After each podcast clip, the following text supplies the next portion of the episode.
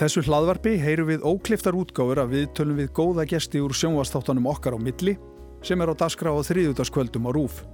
Hér heyriði áhugavert fólk, tala um lífslöpsitt, lífsreynslu og hugðarefni. Og munum, fólk þarf ekki að vera frækt til að vera áhugavert. Ég heiti Sigmar Guimundsson og þetta er okkar á milli. Gestur minn í kvöld hefur sterkar skoðanir á því hvernig við hefum að menta börnin okkar og þær skoðanir eru stuttar vísindalegri þekkingu. Hermundur Sigmundsson, professor í lífæðlislegri sálfræði við HR og Háskólinni í Þrántimi, segir að börnin okkar er ekki vera tilrunadýr og að samfélagið hafi burði til að menta þau í bestu skólunum. En hvernig gerum við þetta og hvað þurfum við að forðast? Hermundur segir okkur frá því og sjálfuð sér í kvöld. Hermundur, verður velkominn. Takk. Hérna, áður en að við fer, kannski förum út í það hvað við viljum gera fyrir börnun okkar, hvað við erum að gera ránt og hvað við erum að gera rétt að þínu mati, þá langar mig kannski að þess að spyrja þig, af hverju valdir þú lífeðlislega sálfræði sem að viðfánsefni og, og hvað nákvæmlega er þetta?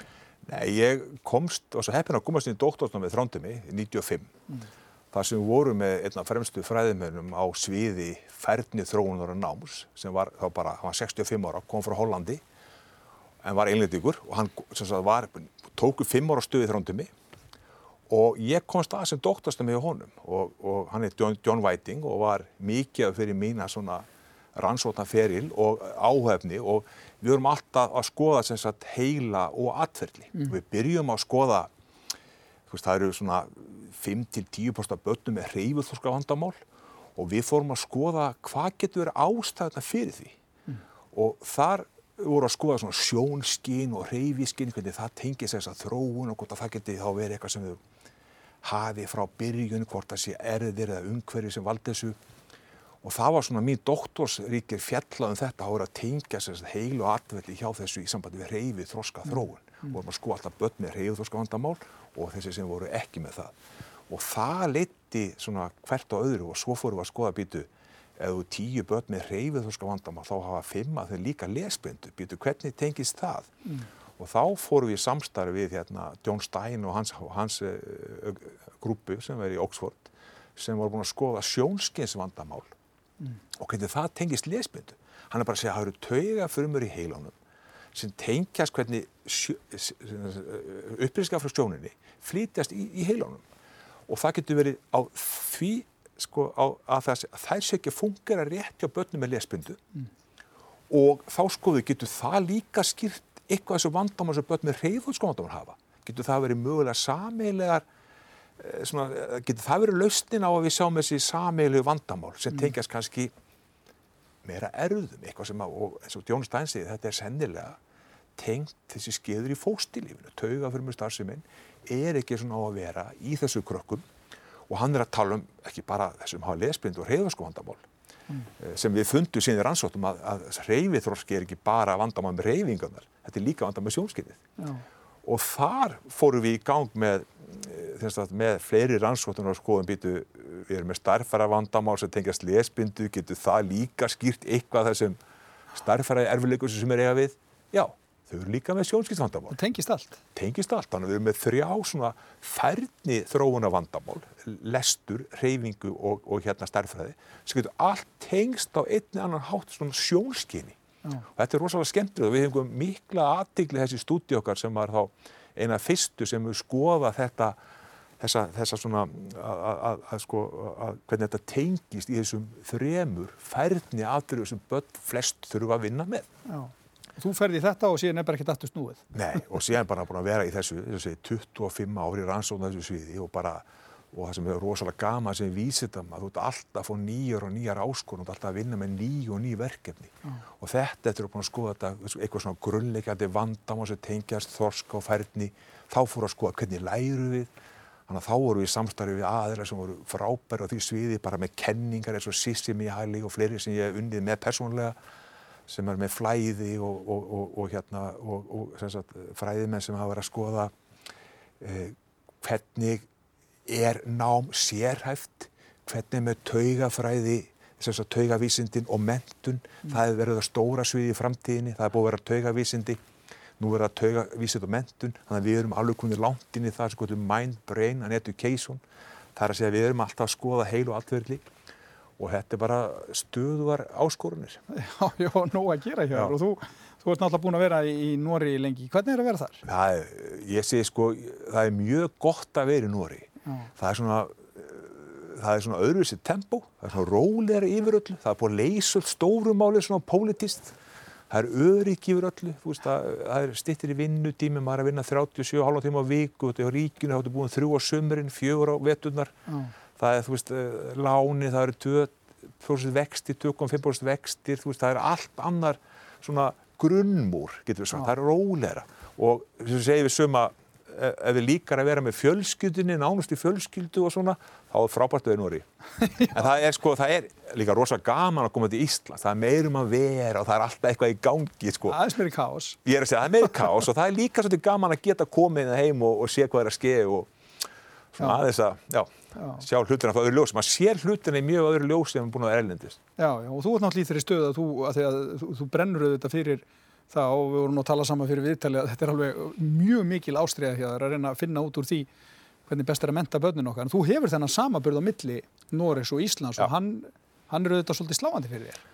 Já, sko, ég hef, sko, kom inn í lesturinn eh, vegna samskipta og, og samvinnu við John Stein og þá lesbrinduna og Joel Talcott sem vinnum mikið saman sem var hans aðstúar eh, fræðimaður í, mm. í Oxford og nú er hann í Aston, eh, sá, sá strákur og svo fór ég að hugsa þetta býtu þessi písa niðurstöðu sem að sína hennan rosalega kynjamismun í öllu löndu sem er með í písa. Og við erum alltaf að koma hræðilega út úr þessum písakönnunum, það er bara svolítið þannig. Já, já, og, og sko ég eiginlega sko, niðurstu písa er náttúrulega sláandi og þetta, þessi kynjamismun sem sjáum á Íslandi er gífurlega sterkur og ég er að býtu, við erum að tala um færni sem er lestur og færni þarnast mikill að þjálfuna til að vera góð, þannig að það þarnast markvis að þjálfunar og, og vinnu og ég ekkert neginn gæti ekki sætt mig við það að drengir væru svona aftur og meir en lestri. Það ætti ekki að vera kynjamunur þarna á? Nei, enga veginn. Og það bara, þú veist, það er ekki svona að vera svo margir með eins og við sjáum að 34% reyngja í þessu písakonum lesa sér ekkert í gags eða eiga slíta með lesturinn mm. og lesa dýpri text og skilja hann eða vandamál hjá þeim. Og þetta ágæti að vera slíkt og eina ástæði fyrir þessu er náttúrulega of lítil markviðstjálfun á lestri og lestri bóka. Og ég þá er samstarið við eh, einna fremsta kennslufræði lestrarsefrangi heiminum, Hæki Littinen og hann hefur sagt við mig að hann sagði bara um að síðast í þessari viku að það, það eiga allir að geta lerta að lesa. Sumið þurfa mér meiri hjálp og stuðning. Og þessi kynjamismin ætti alls ekki að vera svona sterkur. Og það þarf að leggja miklu meiri áherslu á sagt, að finna út af hverju siggi er ekki að standa sig en jó er að standa sig. Það þarf að fara miklu meira niður á einstaklingana við erum oft með svona flott plön eins og Reykjavík með látum drauman að ræta. Þetta er rosa flott eh, mentastefna er flott. Mm. en það er að fylgja henni eftir niður á eins og við segjum starfsmára á plani þú eru að fara niður í skólastofunar mm. og fara að skoða hvern einstakling. Og þar tel ég að skóin kreppi mikið á Íslandi. Það er að segja vöndun á eftirfylni það þarf að fylgja því eftir hvernig hún jóa gengur og akkur hún gengur ekki nógu vel. Mm. Þangað þurfu að komast. Mm. Ef ekki fyrir þangað, þá lagast ekkert og þá heldur bara áfram síðan 2000 bara niður á við bæði í lestrunum, mm. starffræði og náttúrufræði. Sem er bara sláandi líka við sem slæði meira náttúrufræði að lifi þessu rosalega flottu náttúruparadís eins og normenni segja um mig bara, þetta er bara paradís sem komaði yngad og þeir komaði yngad til að sjá náttúrun okkar. Veist, að við séum ekki með meiri metnað og vilja til að börnin okkar sé bara mjög ofalega í mm. náttúrufræðinu og náttúrulega hínu grenu líka. Já, ég sagt stundum að við hefum alla möguleika á því með smá ávöftu breytingum. Já, sérðu, sérðu normenn gera þetta þannig að það sé í lægi á meðan við gerum það ekki? Þeir hafa lagt mikið í sinn skóla og eftir að þeim kom ekki nú verið út úr písa þá að setja þér ennþá meiri kraft í það. Eins og þeim þegar þeir öllu að auka þess að mentun kennar í fimm ár þá var að setja tíu ára prósit í gang til að menta fræðingarna sem átt að kenna þessum fimm ára já. í þessum fimm ára námi. Þannig að þeir tóku, já, kenna kennurunum þeir tóku bara langan tími það að finna hverjir gætu fengið að hafa kennarnám og þá er þetta að hafa prófessora og sérfrænga á sviðunum sem hafa þá 15-20 vísagreina minnst á þessu sviði, alþjóðlu við tímaröndum sem að þá sjá um þá kursa og lifta þeim upp. Og það var líkillin þeirra og svo settu þeir í metnaði eins og til minnst að við vitum það bókakostur og fá góða bækur og maður var að tala af hæki sem að ég leita mikið í sarpin til. Hann sé bara að það er líkill og það gerðu norminir. Þeir fengu bókaforlög og stæstu bókaforlögin eru með sér satt bókarkost fyrir krakka og það eru 11 erfiðleikastig.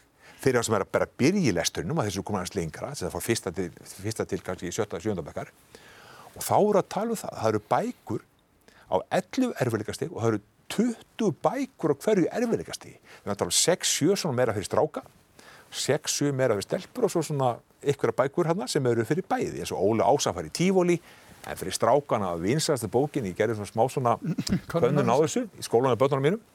Að það var hérna kongular með hárum. Það var alveg vinsastu bókina fyrir strákana sem voru svona stíi 2-3 og þannig að þú veist það er og rannsóndi sína það líka að, að kynin eru svolítið að velja svona eh, að svona, svona þessar eh, ólíku bækur. Þeir finnst mm. ólíka bækur skemmtilegar. Og þetta segir hægi lítinu að sé algjört líkil atriði að fá bækur sem eru áskoruna fyrir þig og vekja áhugan á lestri. Það, sé, vantar það bara hér eða? Þessar bækur finnast ekki sama fjölda eins og í Nóri. Það eru ekki eins mörg stígur svo þeir hafa og ég get Nóri bara á Norrlöndunum og, og þetta vantar. Þetta er bara, ég sé bara, hvar eru þessar bækur? Og það vantar betri bókarkost inn í skólan sem að bókarforlugin, eins og Nóri, sem að skólan geta keift frá þessu bókarforlugum. Og mér böð þá getur valið 40 bækur á hverju stígi mm -hmm. sem að það var rosalega flott að hann búið með kannski, hann var kannski stígi 2, strákurinn til mis. Þá fekk hann að velja aðra bók á sama stígi, hann fekk að velja með kennarunum og svo er hann búin að ná þeirri kunnáttu sem að þá sé er nú þetta komið næsta stíð og við fórum að þurfum að fylgjast með, þurfum að skrifa hversu oft við lásum bókin, það var alltaf tviðsva þrjustar í viku að lesa þessi bók með krakkanum. Og þegar hann náði að lesa þá bók vel þá fengið næstu bók. Og það var ósað flott þegar strákin að fá nýja bók. Mm -hmm. og þetta segir litinni að sé algjört líkil aðriði þetta er bara sama við sjáum í, í íþróttunum. Þú veist, þú segir byrju hvernig hefur við að ná árangur sem er fókballarlænslega eitthvað líð jú, við förum nýra á völlin, hvernig ætlum við að þjálfa? Hvað þjálfar á því, við ráðum oftast þjálfara sem við treystum til að gera menn betri. Og þá eru að skoða einstaklingana og sjá hvernig er þú, ertu búin að bæta? Eru reynda að bæta þetta. Þá passar við betur fyrir lið og þú ert að gera betur hluti, við erum á gólfinu. Og þánga þurfum að koma og þar er líkilatur í þjálfu þetta er svo einfalt en samt svo flókið sem það. Já, en þú, svona þú, þú ert svona pínlítið að lýsa þess eins og við séum búin að búa eitthvað kerfi til sem að er erfitt að hrópla við og ég veit að þú hefur verið að reyna að berjast fyrir alls konar breytingum hérna í kerfinu en sumstaða svona komið að, að lokuðum dyrum. Ég er að segja, ég er búin að vera í átján ára að berjast fyrir því að við fáum rannsóknarsetur fyrir grunnleikaði færðni og börn og úlinga. Það er bara að fá inn, þannig að við séum alltaf að gera góðar rannsóknir í mentamálum, við séum með góða miðlun út í skóla og annara sem vilja þá koma á kurs og læra endurmentun og það er átján ár síðan ég byrjaði að reyna að vinna með þetta og það er ekki enþá komið, það tekur tíma og ég er en, ekki búin að gefast upp alveg enþá en er komin í samstarf, gott samstarf eins og við flataskóla. Þeir eru að reyna að vinna með þessar, þessar rannsóknar ranns, þessar rannsóknar ég og aðri hafa unni með, bara fremstu vísindur og sviði mentamála og hvernig við læru lestur og skrift og starf og annað, við erum að vinna þess að fá meiri reyfingun í skólan og við sjáum það bara að reyfing á hverjum degi gífurlega mikið og sérstaklega fyrir krakka sem hafa, eru kannski fullir af orku og sérstaklega svona drákar sem eru aktífir en fyrir bæði kynin. Þau þurfum að fá útrás í skólanum útrás, fyrir reyfi þurfina Já og því fyrst sem við byrjum á mótana, við byrjum í fyrsta tímánum fyrir reyfi, bara segjum bara 45 minnur reyfing, töff reyfing það getur við tengst áttalega íþróttatímanum en svo verður alltaf, ef þessu er fimmsni viku þá áttu við líka að bæta við tveimu tímum. Mm. það er svona stundatöflu tæmi það er aðal, þetta er ekki, þetta er ekki, þetta er ekki, þetta er ekki hægt. Þetta er að finna hvernig það passa þenni stundatöflu. Og svo er málið að fá inn við vitum að reyfing skapa róa einbindíku í þrjá, fjóra tíma eftir það sína fleiri rannsóttir og svo er málið að þá leggja inn þau fög sem fyrir háti 40 mínútur, ekki lengra þú heldur að aðdegli 35-40 mínútur síðan rannsóttir og svo verður þú að fá tíma þetta pásu, pásin líka rosalega mikið mm. standu reyfa sig helst að fara eitthvað út á fyrst loft og síðan aftur þá tökum við lesturinn starffræðina og náttúrufræðina, þau fög sem við meinum og aðri meina séu mikið vægstu fögin. Og svo tökum við hátíðismatt og svo tökum við eftir háti hinn fögin, það getur gerst meira á þvert á aldur, geta verið prósitvinna, temavinna. Og þá tökum við líka, það sem svona, það sem ég vil virkilega kom inn, að við þá, sem kallum heimanámshjálp í skólanum fyrir þá sem virkilega þurfa hjálp. Því að það eru allavega í Nóri 20-30% af börnum sem er ekki að fá hjálp heima. Og þau verða að fá hjálp í skólanum ef þau ætta að ná einhverjum árangri í, sagt, þá verður skólan að taka það ábyrð og þá vil ég fá þá heiman á sjálf strax eftir fyrir þá sem að við vitum og kennarði vita nákvæmlega hverju það eru sem þurfa þessa ekstra hjálp. Mm. Þeir fá hjálp í skólunum, menn hini fara þau önnur fög og önnur verkefni og svo koma þau bara inn í það. Þannig að þetta er eiginlega bara, þú ætti að tala um bara námið sér svolítið einstaklingsmiðaðara eftir hátegið. Já, og sérstaklega sko, ég er að tala um sko að, að, að þá kannski tökum við e, e, kannski þessar krakkar sem þurfa að virka hjálp strax þetta hátegið og svo eru við kannski að skapa meira og ég segi fá meiri valfög inn eftir háti við veitum broti svolítið upp þennar stífa ramma sem er eftir háti en lauma þinn og hafa það þá klárt og gefum að fylgja þessu stefnum og náms, náms hérna plönum annað en finnu það út hvernig er þetta að gera þetta meira lífand og skemmtilegt getur fengið fyrir valföginn í skólan eins og sumir að nefnt forritur sem er dæmi, aðrir að nefnt uh, meira kannski dans og músík, er þetta að fá ennþá meira þessu, mm. er þetta að fá ennþá meira val þegar þú er eldri, skilu því meiri, sko, að koma fleiri fög inn þegar þú er eldist, þessi komni 8. 9. 10. að við gefum þeim kost á að velja hvað kveiki neista hjá mér og það er bara eins og ég alveg segir, sko, ef það er að kveika neistan hjá einstaklingi, að finni hvað hef ég áhuga á? Þetta vil ég vinna við, fæ ég möguleika að vera aðeins í þessu? Og svo þróvar þennan neista. Og ég segi sko, ég kalla það svona ástríðu, þetta er það sem er nýja próstokka, það vorum að sko ástríðu, þrautsiðu og hérna gróskuhugafar sem er bara gífulega mikið og ég segi svona gróskuhugafar er svona þáttur sem á að vera undirleikjandi í öllum skólum landsins. Það á að gegnu, og ekki bara skólum, með öllum heimilum, þetta á að gegnu síra hvernig við hugsum, að við höfum möguleika á bæta okkur. En svo er að finna hvað viljum við bæta okkur í. Mm. Og það er svona, það skemmtilegast að, ég segja svona, þetta er svona byggjum snaga, þú ert með, þú ert með netverk í heilunum, þú þróa það, þú ert með svona marga snaga, það er að gefa að við í umhverjum gefum möguleika og frábært, ég hefði um eitthvað íþrótafélag sem að kakkiði bara vali hvað íþrótt, það borgaði 50 skatt eða hvað það var íþróttakortið. Og hann bara vali, viltu fara í, viltu fara í fimmleika, viltu fara í sund, viltu fara í handbóta, fópa, það krakkið bara velu sjálfur hvað við prófa.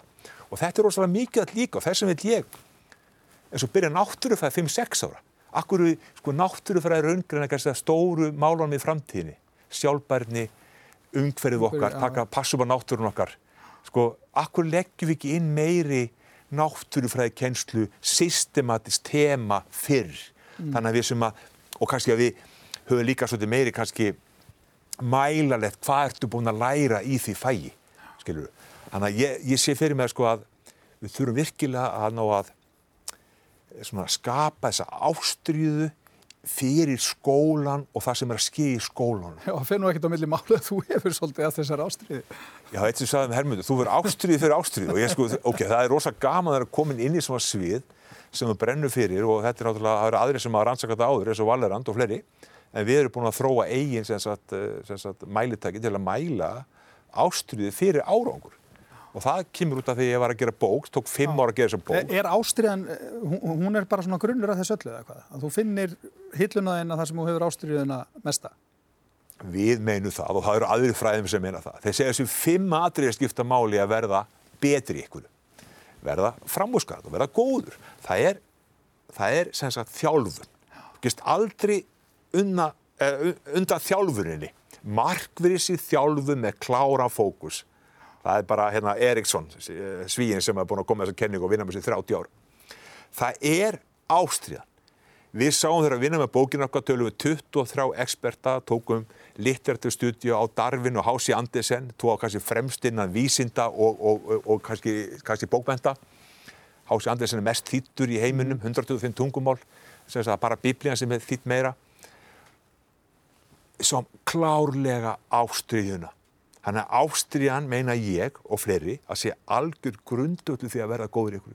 Mm. Þess að ástriðan er þessi gífulegi sterkி áhugi. Ef þú passi bæta heilsöðin að fara út á, sko, þú hleypur, þá hleypur alveg þessi rigning ekki rigning, skilu. Þú hleypur í saman hvað, verði, eh, hvað veður er.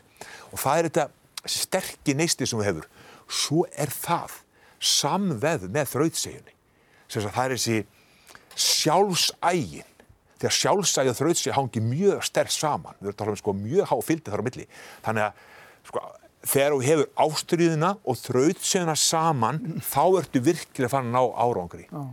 Og undir þessu öllu er grósku högafar sem er gegnum síri bara þinn, þinn, þinn, þinn skóli eða það sem þú ert að vinna við, þinn heim og svo er þetta náttúrulega góðu kennari, góðu þjálfari og mentor. eins og Magnús Karlsson, ég átti tekja þeir getum að fund með pappans, ég fekk ekki þetta Magnús til miður, út, út, út af minni bók. Það er næst að tala um skákmannin? Skákmanni sem er heimsmyndstari og það var rosalega gaman, ég talaði sagt, við fadir hans, hann skeiðaði smá pistil í mína bók sem heitir Expertise, að hverju vera framhúsgarandi, sem er út núna bara í janúar. Og það svo rosalega gaman að heyra með Magnús sko. ég spyrir hvernig ætla Magnús að vera góður?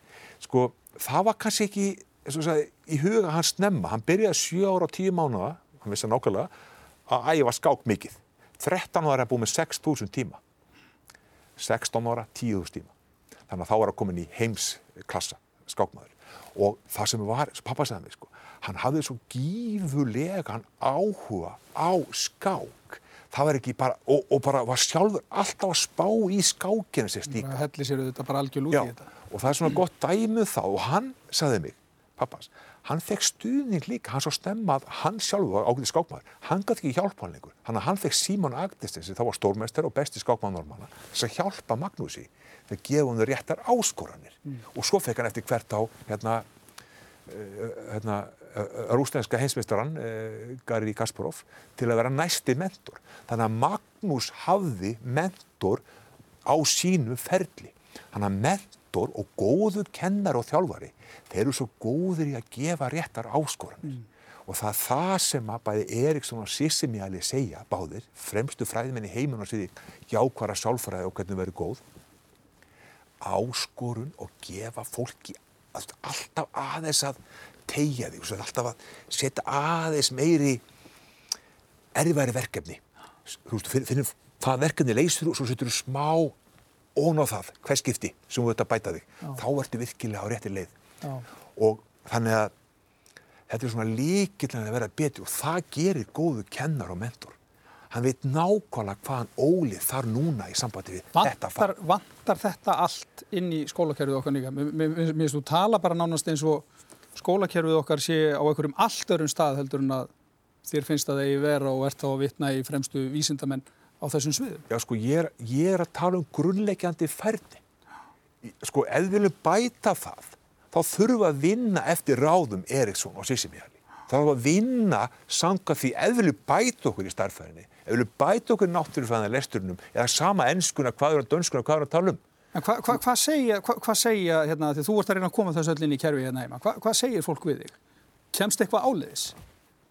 Það hefur verið mjög erfitt. Ég hef nú að spyrja félag minn upp í HR um daginn, sko, hvað hann kallar þetta þegar þú ferð á fundi með fólki og ég er búin að hitta, uh, hitta ólika menn í þessu menta, mentasamfélagi.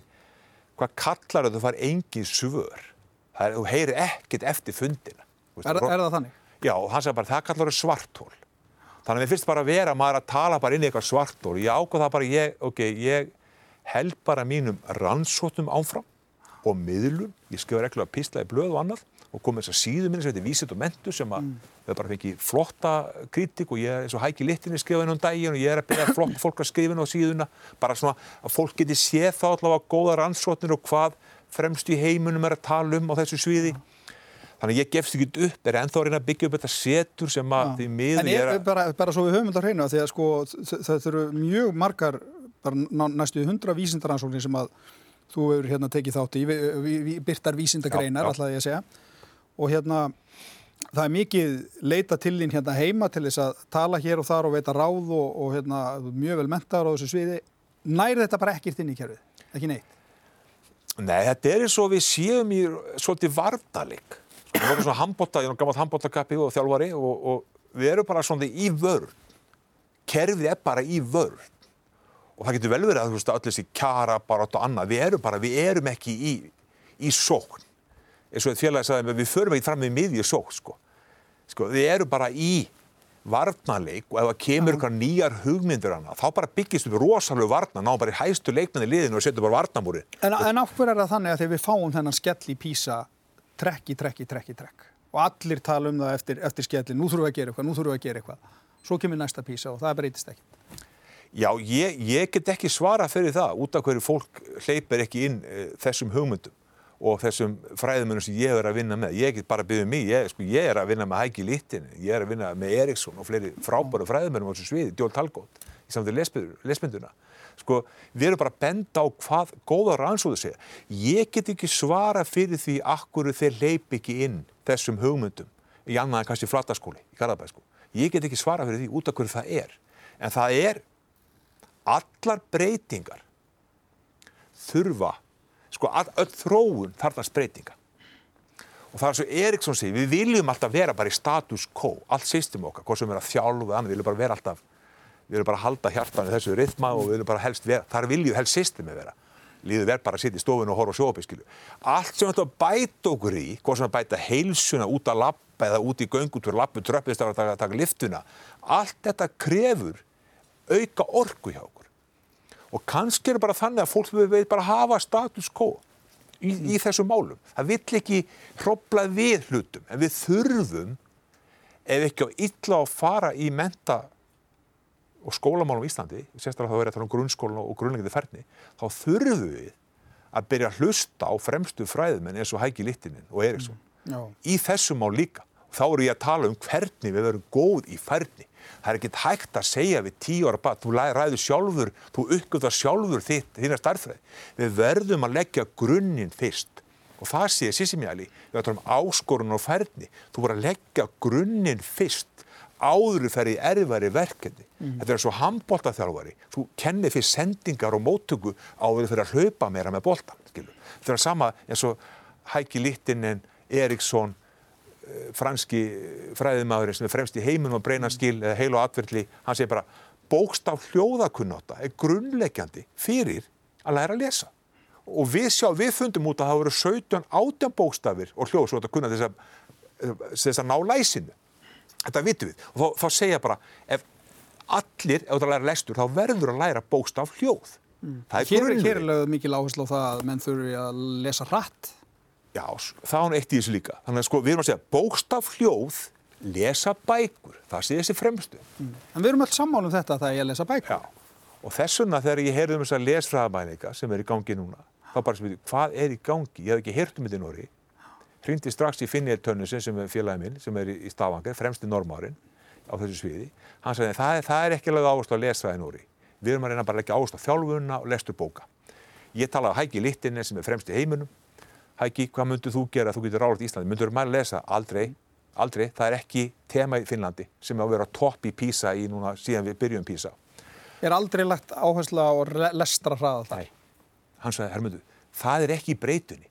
Sko breytan, lestrafærni breytan er umskráning þess að geta búin að setja, saman í og s, það er ís, ok, mm. það er umskráningi, aði. Mm. Ef þú búin að ná því þá er þess að breytan lestrafærni er umskráning sinnum leskilningur. Mm -hmm. Það er engin hraði í breytunni. En svo hækki sagði mig, þú lest á þau hraða sem passa fyrir þig. En okkur heldur að við séum að leggja svona mikla áherslu á þetta? Nei, það eru náttúrulega einhverjir fræðið með sem vilja leggja áherslu á það og þeir segja að það er svo háfyldna mitt í leskilnings og lesraða. En þá segir ég, hvað heldur að komið fyrst? Það er þjálfunin skapar leskilning og ef þú hefur góðan leskilning og þá senir það búin að lesa mikið mm. þá ertu senir að þokkalegur í lesraða en það á ekki að vera að breyta sig um að skoða en svo Hækki sagði lesum frekar fleiri bækur, leggjum áherslu á bókalest og þá þarf það að skapa áhugan eins og Kate Nason, professor Oxford sagði í nýjastu greinin sinni Þetta er aðamálið að skapa áhuga fyrir lesturinnum og það gerur gegnum góða bækur. Já. Og þánga þurfum við að komast. Gerum þessa góðu bækun og það ætti að vera samfélagslega verkefni. Öll þessi stóru fyrirtæki sem er að þjána miljardar eins og fiskifyrirtækar, gerir þið, þýðið þið þessa bækur. Þið er bara áskorun þeirra. Þýðið þessa bækur gefi alla skóla landsins, skilur við. En hvað segir við? Ég var hérna, það, það, hérna ég var með Jónas Sig, tónlistamann hérna hjá mann daginn.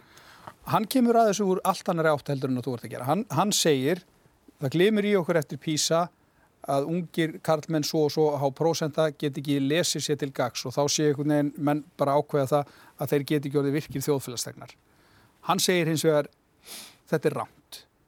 Þessir einstaklingar verða oft frábærir þjóðfélagstegnar bara á okkur um allt öðrum sviðum og við rættum það ekki. Er þetta, er ekki svolítið mikið til í þessu líka? Sko, það eru nokkri sem komast í gegnum sko, ná árangur á öðrum sviðum og geta plumma sér þrátt fyrir kannski ekki góða skólaárangur þrátt fyrir kannski lesblindu önnu vandamál mm. sem að þá fara inn eins og í músík og geta ná, ná þokkalum árangur þar og verið frábæri eins og Jónas og fleiri og skilur, það eru aðila þar sem að það er ekki margir Við vitum líka eins og Nóri, það er sko, þeir sem eru fángilsum kringum Oslo, 90% þeim hafa lesblindu. Flosna þessir einstaklingar þá bara frekar upp úr, eða svona, ná ekki neittni færni og virkni í samfélaginu? Já, við vitum þá að þessu sem norminni, sko, við erum að tala um sko, stöðu innflytjað á Íslandi, sem er alveg skelvileg. Mm. 92,5% eh, af þessum innflytjum krökkum, þau tala ekki íslenskunum verið, þau eru rauðu og gulu ljósi hérna, í sambandi innri endur skonar skýrlur Reykjavíkborgar, þá síðasta sumri þú veist, hvað gerðu normennir? Þeir gera líti á þess að það geti kannski skila þeim þjóastum hagnaði. Mm. Þeir eru búin að finna út með rannsóttum. Þeir krakkar sem koma nýjir inn í landið, sem eru sem sagt innflytjundur, þeir bjóða þeim fritt inn á leikskóla og ekstra norskukenslu. Mm. Þeir eru búin að sjá það að, norsk, að læra sér norsku í Nóri er grundvallar aðið þess að geta klára sér getum skólan og komist inn í framhanskóla út af aðdöfum við. Mm hvað eru við að gera? Eru við að sinna þessum hópinu og vel? Og ég segi nei. Og þetta er sem við skammar fyrir Íslands þjóðfélag að taka ekki betur á móti þessu fólki sem kemur hérna og sjá til þess að læri íslensku til þess að geta plummað sér í íslensku skólum og staða þeir alveg skelvili í písa, okkar innflyttið þetta. Mm. sem að það er engin, sko, þeir eru miklu læri, það er 50-60 stiga munur á þeim og strákonum og stelpunum íslensku mm. sem eru lág og bara segið samanbyrju þá eru íslenski drengir þeir eru á sama stíði, þeir eru léleri í písa leyskilningi heldur eru norskir og danskir innflyttutur mm. og svo eru okkar innflyttutur ennþá neðar mm. þannig að þú veist, ég, þú veist törlunar eru skjálfilegar mm. og þetta verður við að gera eitthvað með ef við viljum þessi einstaklega komast inn í þjófélagi oh. en eins og ég segi, það eru aðilar sem ná að spreita sér í gegnum og komast eins og sumir í gegnum kannski músík eða gegnum aðra hluti. Það eru Skilur, það, það þarf að vera plást á fyrir þetta inn, ég, inn, inn, inn í skólakerfinu, er það ekki? Jú, ég er að segja sko... Þetta fólk talar oft um það það hafi lappað inn í eitthvað kerfi og það hafi bara ekki verið neitt fyrir það inn í kerfinu. Nei, og ég veit að það er, það er sko kannski hluta á þessu líka, sko ég tel og fleiri að það sé hægt að bæta að sé ekki 30, 20, 30% sem er erfið með að lestu til dæmis. Þetta ávera 3-4% samkvæmt fremstu výstamennum hinsins. Ah. Hinn er eiga að geta náðu þessu lestri. Þannig að ég tel að þessi strákar sem hafa, eh, sem hafa dottið svolítið út úr þessu kerfi, Já. námslega séð, þeir eigi ættu að geta með góðri kennslu að ná þessum árangri. En svo líka eins og við erum að tala kannski, með að skapa hennan kveika neistan og finna eitthvað spyr, hvað finnst þér gaman að gera? Gætu að ennþá meiri músikin í skólan, bara tónlistarnám, getur þú farið í gegnum það, þú velur þann pakka líka, getur þú að geta meiri myndlist, veist, þetta er hlutur sem að, að sko, endur skoða hvort við gætum þetta að mæta vissum einstakleikum og fundi þeirra áherslu. Mm. Ég er alveg, alveg, það er mjög góð hugmynd og mikilvægt að skoða það, Já. að maður taki En ég fer aldrei ofan að því að lesturinn er grundullur þess að geta verið og fungerað í þjóðfélagin. Þess vegna leggir svo rosalega áherslu á það að að, að, að hérna krakkar og, og þeir nái þessu læsi sem að allra flestir ætti að ná með góðri eftirfylgni og þjálfu. Já, en uh, við erum alltaf að tala um hérna skólakerfið. En við tölum minna hins vegar um fjölskylduna og foreldrana inn í þessu mengi öllu saman. Það hlýtur nú að vera svolítið stórt atriði líka. Getur við alltaf skellt bara skuldinni á skólakerfið þegar við erum að tala um, tala um þessa hluti? Mjög góða punktur. Þetta er náttúrulega samspil. Og við vitum það að stuðningur heima fyrir, gefa sér tíma með barninu, mm. lesa, fara í sundlegina, út í göngutúr, leikaði krakkan. Þetta er gífurlega mikið vakt. Og við vitum bara að þeir sem að lesa fyrir börni sig, þau ná betur árugur skólan. Það er bara síðan að sinna, spurja því svona 10-15 mínúti, talaði við þau, hvernig gekk, hvernig, hvernig gekk í skólan mitt dag, þú veist, var allir lægi. Það gefur margtakan muni árangur í skóla. Mm. Bara sinna þessu hlut aðeins. Og þetta klárlega, þessi eftirfylgni er ekki bara í höndu skólans, heldur líka fóröldarna og sérstaklega þetta að gefa sér tíma og þá er heldur, heldur við séum ekki svolítið að klikka þarna bara líka, margir hverjir? Jú, algjörlega, við erum líka ekki að sinna þessu nú vel sem fóreldrar. Það er náttúrulega...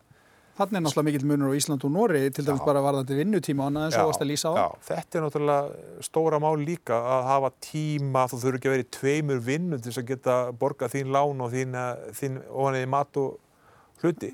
Þannig að þetta er hlutu sem er öll samfélagsgerðin og náttúrulega það er ekki lengur ömmunar heima til að hjálpa krakkanum. Sko. Ég var að tala bara aðeins í gæð sko þetta miklu meiri svona þetta sem við veitum að gífurlega mikið bara fyrir líðan og sjálfströst að það vantar þetta kannski elementi af þessari ummunum, þessi hlúð betur að banninu í fjölskytunum líka. Mm. Áður eftir ég var mjög mikið ömmu mínu sko. Það voru rosalega mikið fyrir mig og mitt líf. Mm. Geta leita til þeirra og tala þær og oft í stórfjölskylda var í kringum okkur bara allan okkur uppvext. Mm það kannski meira svona, það minni sérmaður stuðningur og kannski veist, þetta sem er mjög mikið vakt að styðja við barnið og ekki minnst að geta hlúða að því, hlúða þeirra viðfásefnum, hlúða þeirra áhugaefnum ekki minnst og, og þar er foreldarnir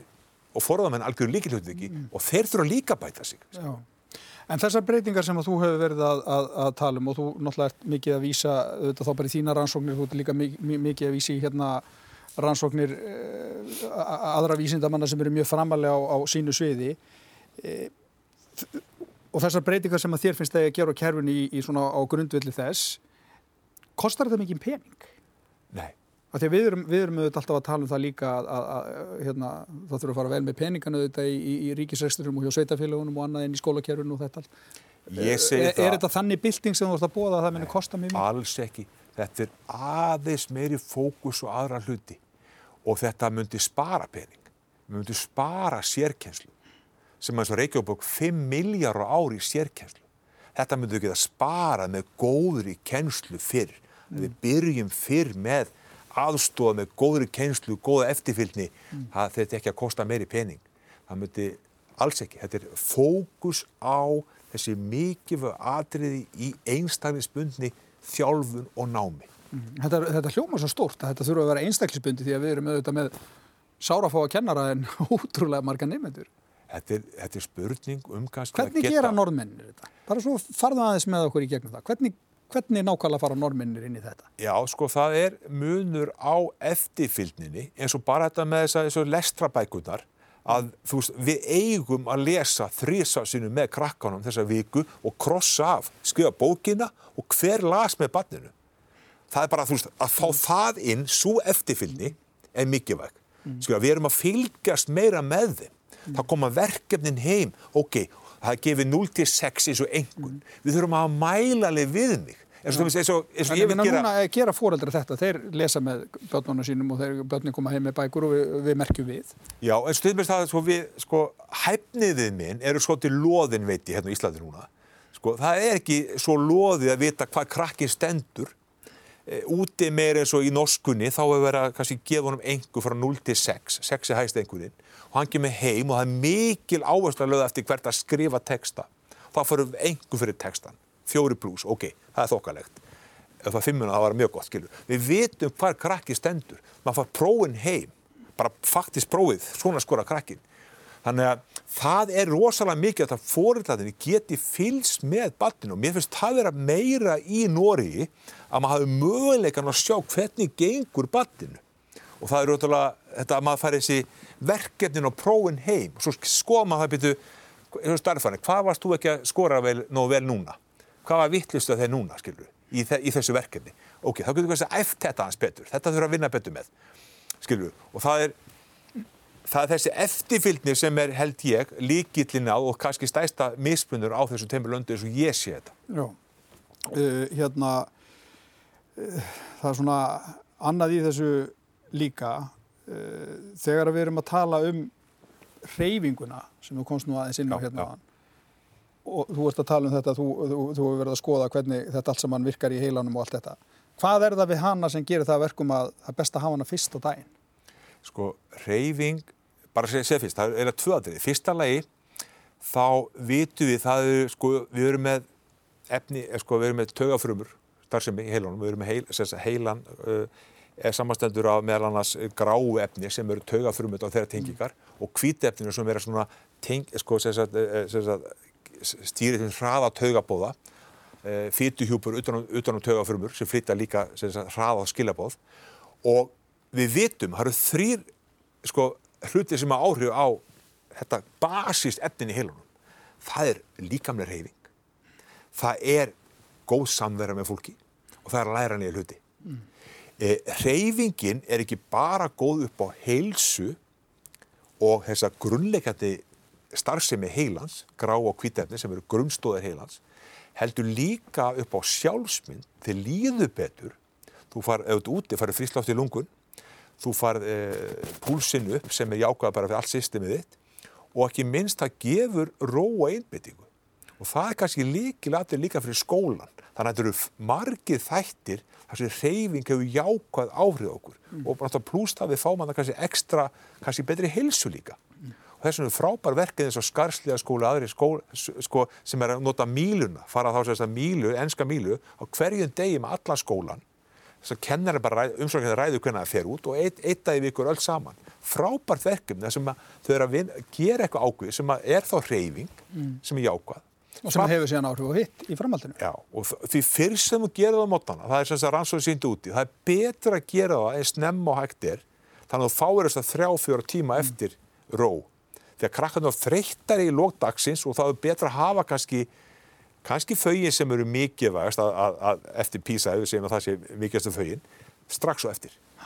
Já, að þá er svona e, einbendingi best. En þegar að þú segir, og nú ætla ég bara að vitna beint í því, Já. börn eða ekki að vera tilröndir. Hvað áttu við með því?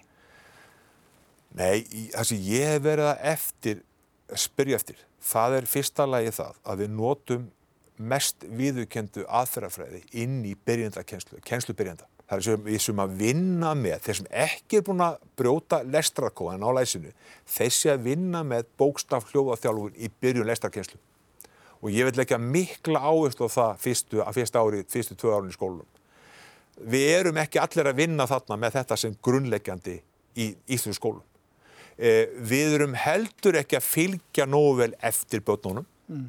Það, er, það er líka, þú veist, þá erum við ekki að gera það sem við gætum fyrir börnin og við erum að mæla hérna að lesa það sem ég til að sé algjörlega á móti mest viðkjöndistu rannsótum áhverju eru börnum tilraunadýr þegar þú nefnir þetta? Sko ég sé það, ef þú ert að gera eitthvað sem ekki er sem sagt, sem sagt, hefur útgangspunkt í rannsótum og vísindum það sem telju vera best að gera mm. ef börnin eru kannski sjálfa að velja sér áskorun eins og svum börn eru tíu ára gummur að segja að velja sjálf hvað að gera heima og hvernig, þú veist ég get ekki eins og gert að ég er stjórn á meistaranum úti, ég get ekki sagt heldur, þú ræður bara sjálf hvað gerir. Þú veist, við verðum að setja ákveð svona viljum við að við vinn, þetta viljum við vinni með, svona fylgjuðu eftir og þetta er margnáðu kunnir. Þánga verður að koma með að það er ekki þessi umgjör kringum batnið í Íslandsur skólakerfi sem fylgir því hverju einu og geður réttar áskóranir, þá eru þau tilröndir, meina ég. Já. Við erum ekki að notast í fremstu vísindin inn í skólan. Mm. En núna erum við með í kerfinu hér velmentað fólk. Við erum með sérfræðing á sínu sviði sem að hérna, hafa byggt upp kerfi og þetta fólk eru þetta ekki bara að tala eitthvað út í tómið. Ég meina, Það er fullt af fólki hérna sem veit sínu viti í þessu. Já, það er hárétt og, og það sem að kannski er, er alltaf spurningin, það er veist, hvaða, hvaða, veist, við erum að tala um eins og, og með lestunum, þetta er náttúrulega stórt svið og, og það er spurning hverja ertu að hlusta á, hvaða, eins og til með, ok, lesfræðamælingarna er einhver, er einhver, er einhver grúpa í bandurækjunum meðal annars sem er, á, leggur áherslu á það, ok, en svo eru aðrir og kannski ef maður skoðar þess að kannski sem ég hef verið að vinna með kannski mm -hmm. sem eru mjög virti vístamenn þeir segja ekki að leggja áherslu þannig að það voru að velja hvort póli viltu nota viltu nota mest við, við notum meina ég ekki réttu póli mm. þar, ekki réttu vístamenna inn í það inn í það val. Og þá getur við nota það sem sem, eh, sem, sem sagt, uh, uh, sko, það vil sér ekki nota réttu hlutina.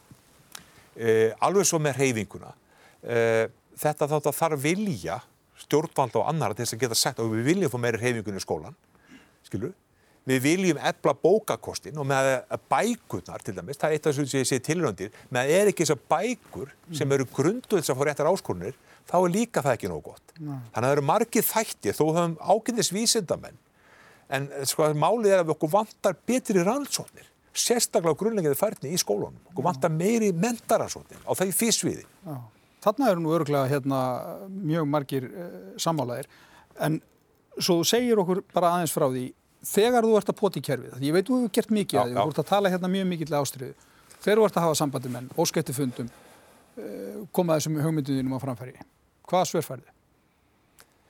Sko, margir eru að fundi, þeir eru jákvæðir og finnst þetta að vera áhugavert, en svo heyrir margir meira frá þeim. Þannig að mér stað svolítið, það er svolítið, þess ég upplifi, það eru kannski ágæti svona viðhorf þetta blist vel á þetta og áhugavert og svona en svo vantar aðgerðar og það finnst mér bara mjög oft á Íslandi. Við erum oft með ágætis hugmyndir en það er að framfylgja þeim og gera það á góðan hátt. Það kannski finnst mér vantar svolítið. Mm. þannig að það er ekki samsvar milli viðhorfa og aðgerða. Þess að skrifaðum pistir ég get kílum á það sko bara þess að sko veist við verðum stundum bara að gera framkama hlutina mm. skilu, og fá með okkur það sem ég er svona að reyna að gera fá með sér kennar og svona kveika neista hjá öllu þessu flotta fólki sem er út í skólakerfinu. Skilu, að reyna að fá þá í gang með að kannski eh, kannski gefa ennþá meira af sér inn í kennslustofuna og ef við náum að kveiki þess að neista þá er auðveldar að ná árangri. Mm. Við erum upptekinn af vittlisum hlutum og stundum hafa menn talað um það að já að umræða um það að það sé erfitt og mikið strögglega að kennari að hún svona yfirgnafi faglega þáttinn? Já, ég heirt það að það sé talaði fólk í skólakjörfunu að það sé kannski aðrið þættir sem eru kannski ofta vald okkur stærri áhugjum eins og, eins og kannski getur verið launakjör og þannig að launakjöri getur verið mjög betri og fólki, þú veist, það þú ert að auka, ég vant að móti því líka að auka þess að kennaramentun á þess að fylgið mín hæri laun. Mm. veist, þartu virkilega fimm ár til þess að vera góðu kennari, þartu að vera fimm ára nám til þess að vera leiskókennari, mm. svo vant að 2000 leiskókennara ættu kannski að spóla tilbaka og segja bara þrjú ár leiskókennari og þá fáu fleiri mentafólk inn í leiskóla Hvað gera normennir? Ja, sko, þeir hafa líka verið að auka þetta en þeir hafa þetta á launin, það er mjög betur laun að vera kennari í Nóri mm og það er sko, eins og ég segi bara meiri, fyrir með virðing borið fyrir skólanum eins og var áður. Maður bara virðingu fyrir skólanum og kennurum.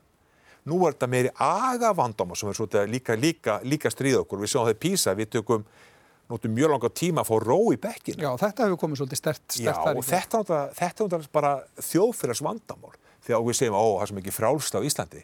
Það er að krakka það búið að leika sér, skilur, fram eftir öllu. Skilur, en, en það þarf líka að setja aga og, og, og, og sagt, að setja okkur ramma, þú verður að haga þig vel í skólan skil, og bera virðingu fyrir bæði kennarunum og og hérna, og þeim skóla sem þú dý og það fannst mér að vera mjög mikið þegar ég var yngri, þá bar maður mjög mikla virðingu fyrir uh, Er þetta kennu... afliðingin af einhverju svona agalausu samfélagi? Það er líka einn, einn af þessu þáttum það vantar kannski meiri tíma með fjölskyldunni mm. það skapa þá að krakkin er kannski ekki að fá þá ramma sem að þyrti og það kemur niður á starfinu í skólunum. Kennur nota mjög meiri tími að skapa ró og einbindíku og við í staði fyrir að geta nota tíman í að kenna og hjálpa þessum aðeila til að nákast í betri tökum sem að, tökum, sem að vil ná tökum á.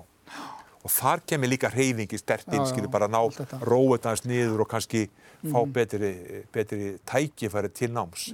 En segðu, segðu okkur aðeins frá því í lokina því að þú ert að lýsa þessu eins og skólakerfi hérna sé á vittlur sér leið, þá manti nýjar uh, áherslur inn sem að stiðist á við svona meiri vísindarlega nálgun og, og allt þetta.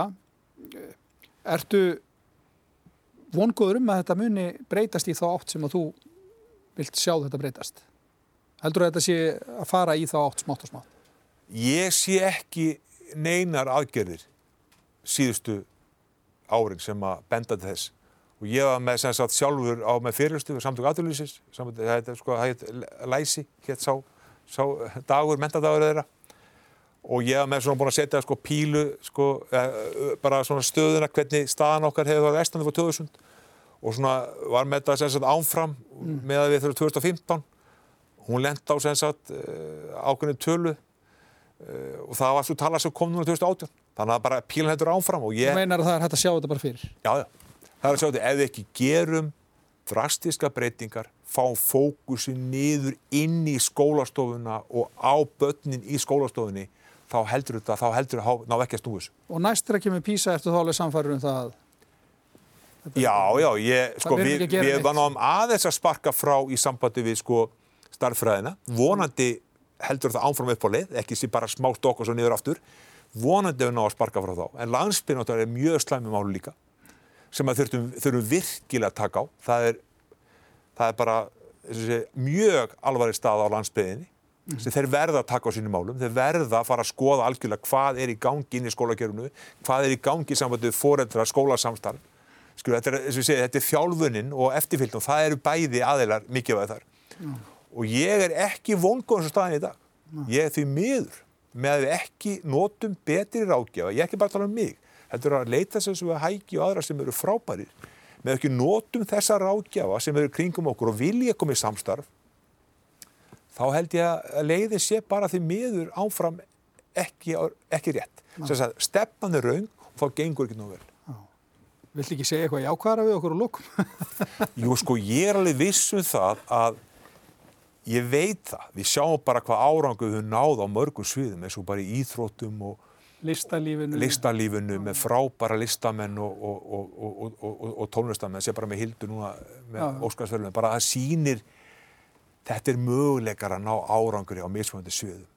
En ef þú fyrir að tala á hvað sem spyr hildi, Þessi dýnamík ætti að ná inn í Já, menntaskóla. þú veist bara læra kannski að þessu fólki hvernig, eins og Hildur, hvernig fórst að þessu og við vitum það að það var, það var töff leið og mikil vinna á bak við þennan árangur alveg sama hvað við tala við en það er að sjá hvað er þetta fólk að gera sem nær árangri og það getur verið svona en að læra þeim og ef við notum svolítið þessum að bæði tónlistin og, og kannski íþrótta hafa verið að vinna með í svona flotta barn og húlingastæði sem eru í Íslandi í íþrótti til dæmis Þú veist, sjáum hvað er í gangi þar erum að nota eitthvað þessu líka inn í skólakerfi og svo hvernig getur við náð árangur þessu lestinum. Er ekki spurning að, við ættum, eins og ég sagði ykkur vitari, við ættum með að bestu skólana, með þá fjármar sem fer inn í skólana og það var bara smá áherslubreytingar og að forgansa aðeins í byrjun skólans. Þá breytist þetta. Já. Hermundur, takk fyrir að koma og segja okkur eins frá. Já, takk. Þetta var hlaðvarpið okkar á milli. Óklift útgafa af sjónvastáttunum sem er í loftinu á Rúf á þriðutaskvöldum og eftir kastljósu og menningu. Ég heiti Sigmar Guimundsson. Takk fyrir að hlusta.